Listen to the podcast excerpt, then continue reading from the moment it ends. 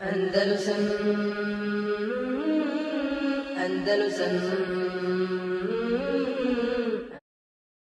يا أرض أندلس الحبيبة كلمي إني بكيت على فراقك فاعلمي لم تسيني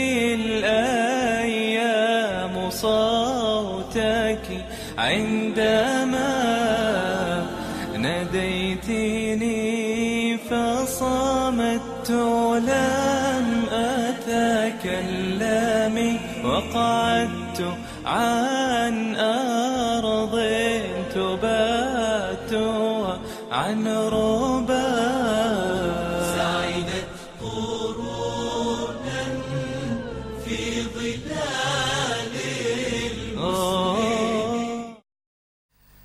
إن الحمد لله نحمده ونستعينه ونستغفره ونعوذ بالله من شرور أنفسنا ومن سيئات أعمالنا. من يهده الله فلا مضل له ومن يضلل فلا هادي له. وأشهد أن لا إله إلا الله وحده لا شريك له. وأشهد أن محمدا عبده ورسوله صلى الله عليه وعلى آله وأصحابه ومن تبعهم بإحسان إلى يوم الدين. أما بعد فإن خير الحديث كتاب الله وخير الهدي هدي محمد صلى الله عليه وسلم وشر الأمور محدثاتها وكل محدثة بدعة وكل بدعة دلالة وكل دلالة في النار. Danas nastavljamo uz Allahovu pomoć seriju predavanja a, o istoriji Endelusa, tamo gdje smo stali prošle godine. Ostalo još dva, tri predavanja da se završi kompletna istorija. Zadnje o čemu smo govorili je u stvari bila bitka na Zelaki, koji je predvodio Jusuf ibn Tašpin, rahimehullah, gdje su muslimani u toj velikoj legendarnoj bitki pobijedili kršćanske snage. Znači, govorimo, znači, govori, riječ je bilo o Jusuf ibn Tašfinu, vojskovođi e, države koja se zvala Morabitun, koji je vojskovođa koji je vladao otprilike 47 godina bio na vlasti, Jusuf ibn Tašfin, i koji je preselio 500, 500. Te godine po Hidžri u svojoj 100. godini života. Zamislite, eh, znači, taj život čovjeka koji je bio na vlasti 47 godina u jednoj od najjačih država tadašnjih u svijetu, koja je uradila toliki hajr za islam muslimane i koji je još doživio znači, da, da preseli u stojitoj godini svoga života. Njegov, naslijedio ga nakon njegove smrti e, njegov sin Ali, odnosno Alija ibn, ta, e, Alija ibn Yusuf ibn Tašfin. Prije nego što prije nego što počnemo govoriti o det, historijskim detaljima, odnosno posljedicama bitke na Zelaki, to u stvari Zelaka je jedna oblast središnjo od, ili sjeverno, sjeverno zapadnog dijela Endelusa, današnje Španije, e, na granici između Portugala i današnje Španije. Prije što budemo govorili o posljedicama, odnosno rezultatima te bitke, ukratko da se podsjetimo, e, kao uvod bi e, uzeo da govorim samo jednu kao digresiju da napravimo, a to u stvari A to je stvari jel, e, jedna šubha koja se često može čuti, pročitati, koja je raširena u zadnje vrijeme među, među muslimanima, prisutna je na, u medijima, širi se preko interneta, a to je da muslimani, kada govore o svojoj historiji, odnosno o, o svojim slavnim trenucima, o velikim državama, velikim pobjedama i poznatim bitkama kroz historiju, da počevjelo od Kadisije, Jarmuka, od Nehevenda, od Bir, Vadi Birbata, Zelaka i tako dalje, Hitina. E, ta šuba se e, bazira na tome, kaže da je to stvari bilo u ono vrijeme kada sredstva za ratovanje su bila u jednom svom prvobitnom stadiju, odnosno ratovali se sa kopljima, sa strijelima, sa mačevima i tome slično, licem u lice, dok danas u savremeno doba, novijem vijeku, a, sa razvojem industrije, tehnike, tehnologije, sa razvojem elektronike, satelita, aviona, masovno oružja, oružja za masovno ubijanje, atomsko, hemijsko i tome slično, da muslimani, da, znači to što je bilo prije, to je donekle jeli shvatljivo i razumljivo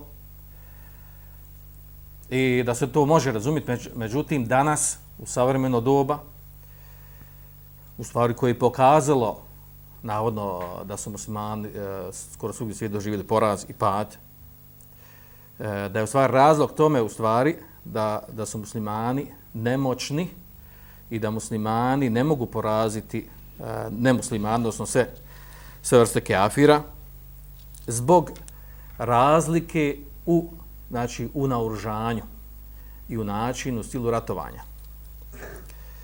I da ta priča jel, o prošlosti je u stvari jel, više onako da se, da se tješimo, da sebi podižemo moral, a da u stvari, stvar, da živimo u stvarnost koja, koja je totalno drugačija.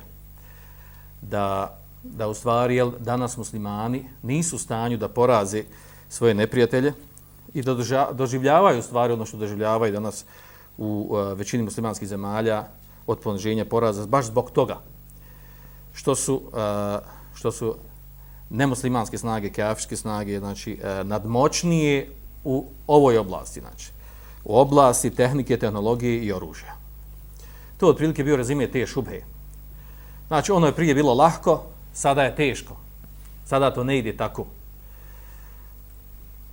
Treba, kao da treba nešto drugo, drugačije da se desi neki preporod muslimana u ovom kontekstu.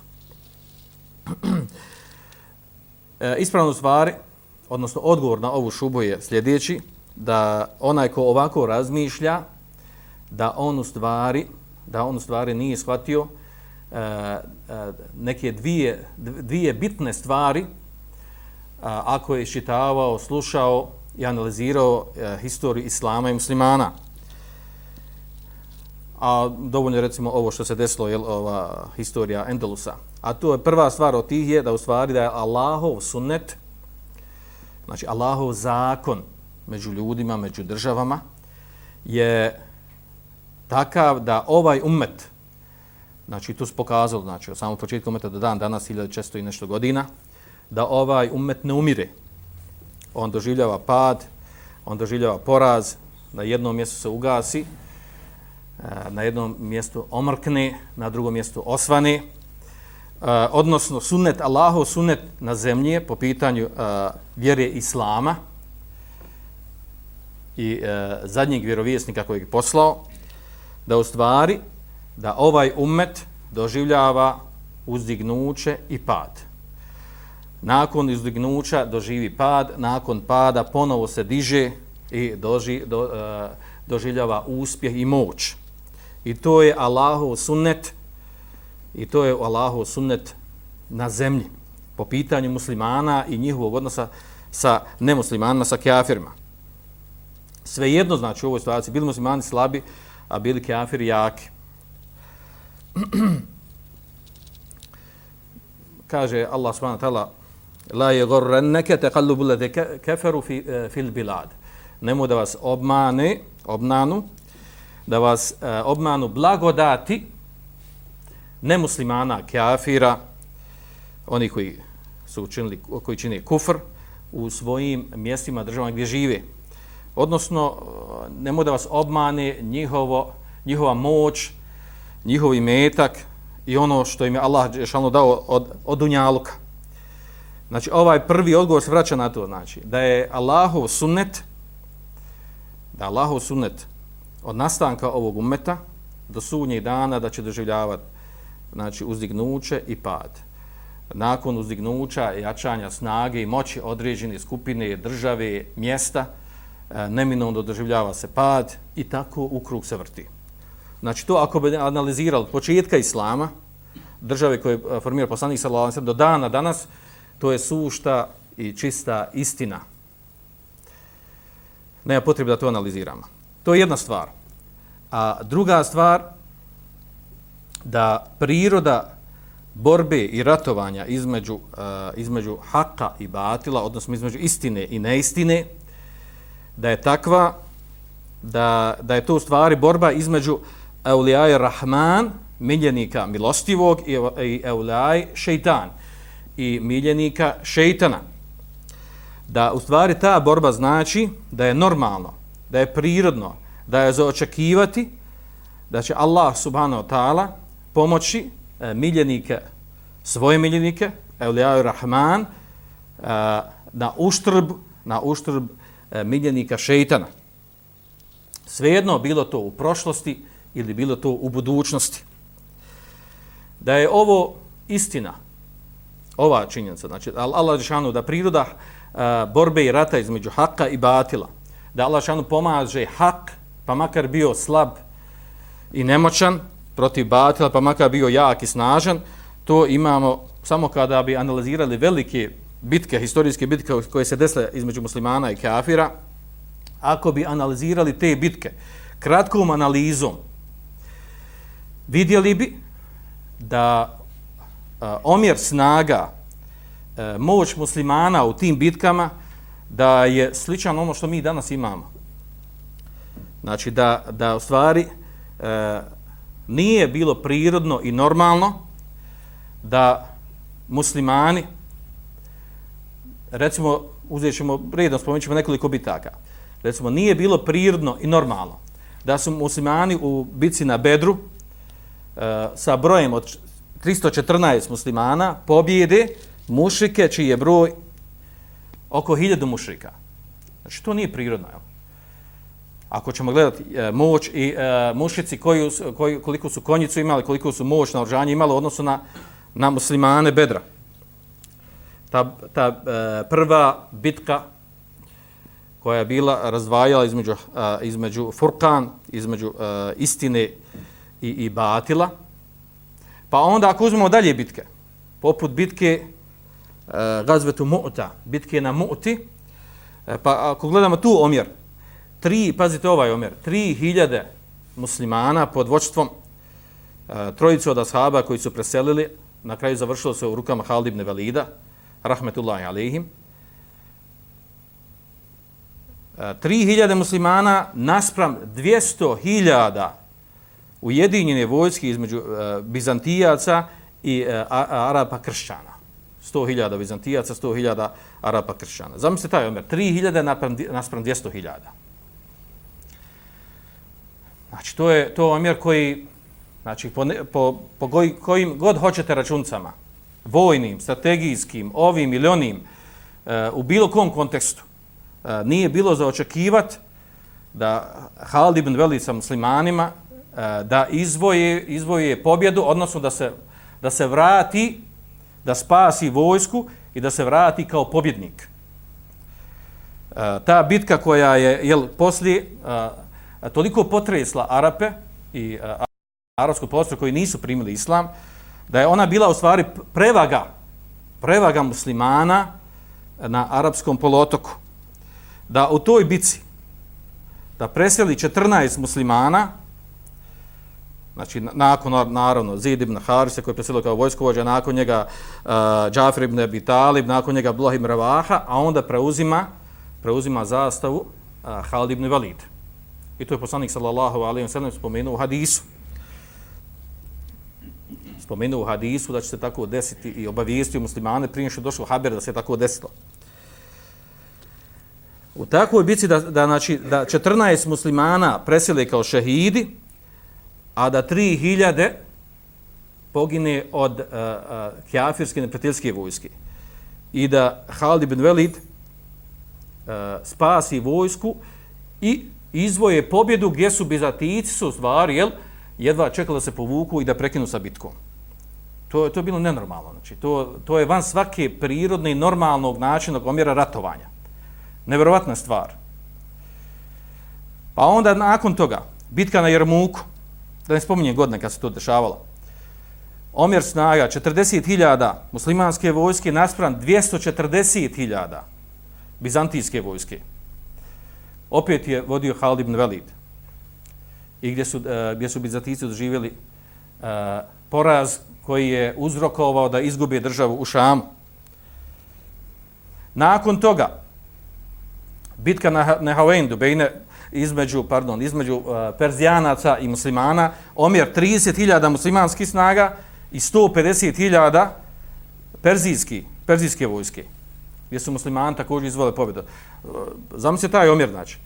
Pa onda, nakon toga, također protiv Perzijanaca, bitka, presudna bitka za pobjedu nad, nad Perzijancima, bitka na Kadisiji, 30.000 muslimanske vojske naspram 200.000 perzijske vojske. Je li ovo prirodno, je li normalno muslimani u ovakvoj situaciji pobjedi?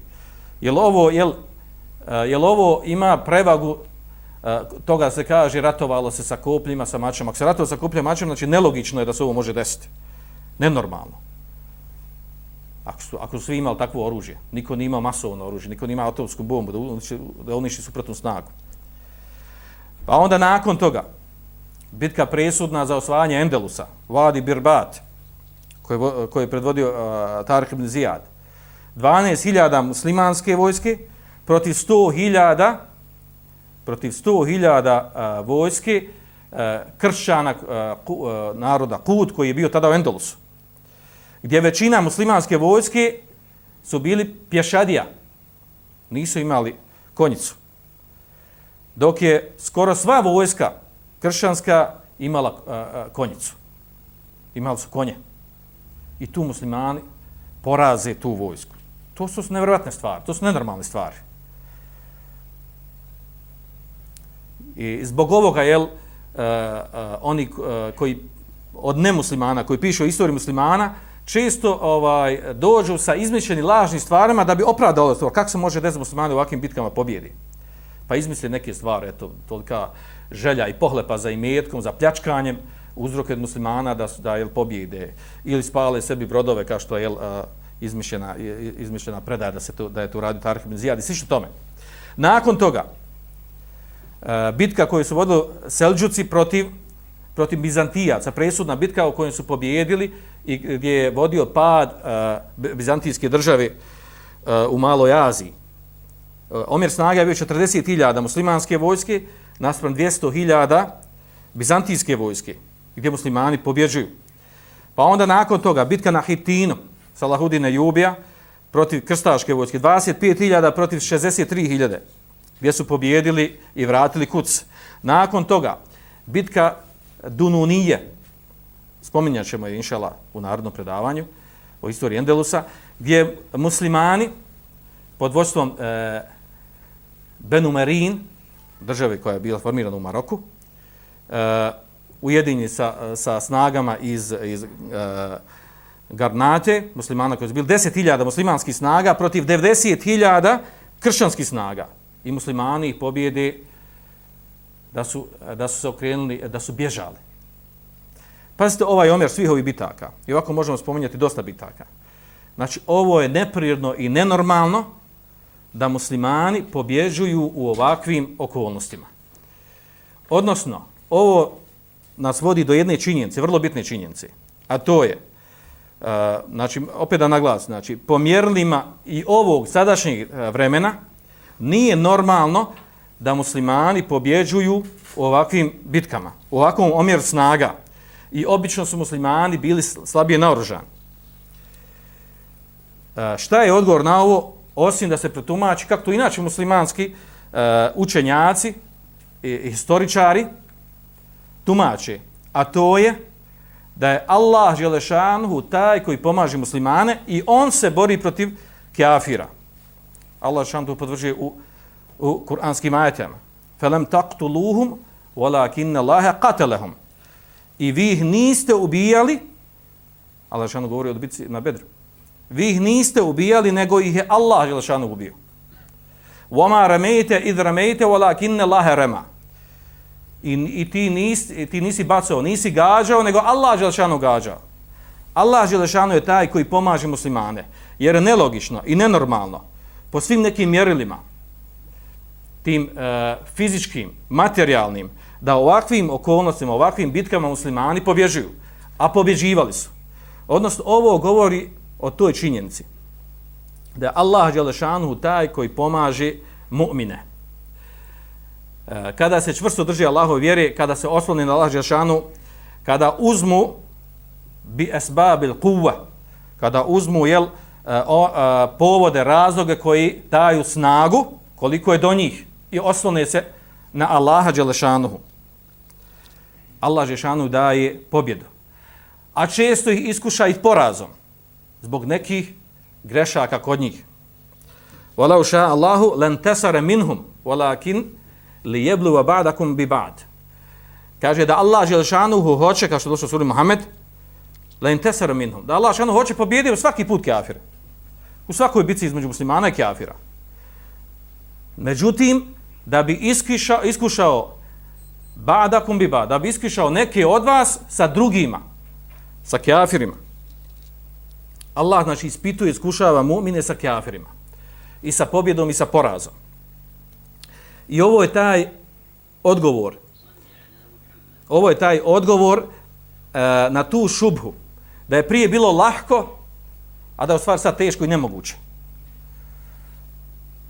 I da je uzaludno. I da treba mijenjati taktiku. I da treba ostaviti borbu. Da se treba predati. Da, preda, da treba promijeniti E, stil razmišljanja, gledanja, napraviš nekakav štihad u kompletnom razmišljanju, razumijevanju islama i to, te neke konstelacije islama i muslimana sa, sa nemuslimanima. Tako da onaj ko kaže znači, da stanje u prošlosti je drugačije od današnjeg, odnosno, uh, onaj ko kaže jel, uh, da Allah Želšanu pomogao ashabe i selef ovog umeta, i one posle njih koji su slijedili u dobru i hajru, a da danas, jel, i pomagat će takve naravno do sudnjih dana, jel, kao što došlo u kuranskom majetu, a, eh, kao da hoće da kaže, ako tako razmišlja, da ne udubila, da Allah Želešanuhu je bio u stanju da pomogne, E, pomogne vjernike protiv Ada i Temuda, kao što došlo kuranskim majetima, protiv e, Perzijanaca i Bizantijaca muslimane, Međutim, Allah Želešanu ne uvodu bila po takvom razmišljanju, nije znači u stanju da porazi ni Ameriku, ni Rusiju, e, ni Britaniju, ni Židove, ove ili one i sve druge koje su suprotili muslimanima. Ne uvodu bila od takvog razmišljanja. Allah Želešanu je taj koji pomaže vjernike. I Allah Želešanu je taj koji mi daje snagu, koji daje moć kada se vrate vjeri. Ovdje je samo pitanje, jel, gdje je e, naša uloga svakog od nas pojedinca u, na, e, po ovom pitanju. Gdje smo a, ja i ti e, u, u tome da damo neki, neki udio, e, da ostavimo svoj trag, da imamo ulogu u izdizanju i vraćanju Islama na njegovo mjesto kojim pripada. U vraćanju ponosa uh, ovom umetu, umetu Muhammeda sallallahu alaihi wa sallam. A ako nas bude u tome, bit ćemo naravno mnogostruko nagrađeni. A ako nas ne bude u tome, pa makar gledali uspjeh i uzdignuće islama i muslimana, mi smo oni koji smo gubitnici. A uspon i slava je ovom umetu, dokle god se čvrsto drže vjeri i budu pravi istinski mu'mini. Wa antumul a'launa in kuntum mu'minin. Vi ste gorni ako budete pravi iskreni mu'mini. Znači, e, da podvučemo opet. Bitno je ovdje e, da svaki musliman e, traži sebi ulogu u vraćanju moći i slavi ovog umeta. Svako na svoj način. Nismo svi isti. Neko u ovoj oblasti, neko u onoj oblasti. Svaki poraz i svako poniženje od nas onoliko koliko sebe nanađemo u tome. I zabavimo se svojim privatnim svojim privatnim dunjaluškim šičarima, a često na uštrb vjeri. A ostavimo islam i vjeru Muhameda sallallahu alaihi wa sallam, da Allah Žešanu dovede neki drugi narod da da ponos ovoj vjeri. To bi otprilike bio rezime govora o toj, o toj šubhi. I tom, jel, kaže, dosta nam je priča, jel, o istoriji, o slavi i ljepoti Islama, mi kao samo plakujemo, plaćujemo o tome, to što je bilo, jel, mi danas ne imamo toga ništa, jel, to samo se naslađujemo, samo a, dajemo jedan lažni entuzijazam, a, jednu, a, jednu lažnu podršku jedni drugima i tako dalje. To nije tačno. Musliman, znači, a, u ovoj stvari a, treba da se vrati na šerijaske tekstove i na razumijevanje ovog pitanja onako kako ga je razumio Selef ovog umeta, počeo da shaba, a, pa oni a, posljednji koji se slijedaju dobro. بالله زرت المغاني مرة عرج على أهلي هناك وسلمي كانوا الملوك كانوا الملوك على الزمان وقارنوا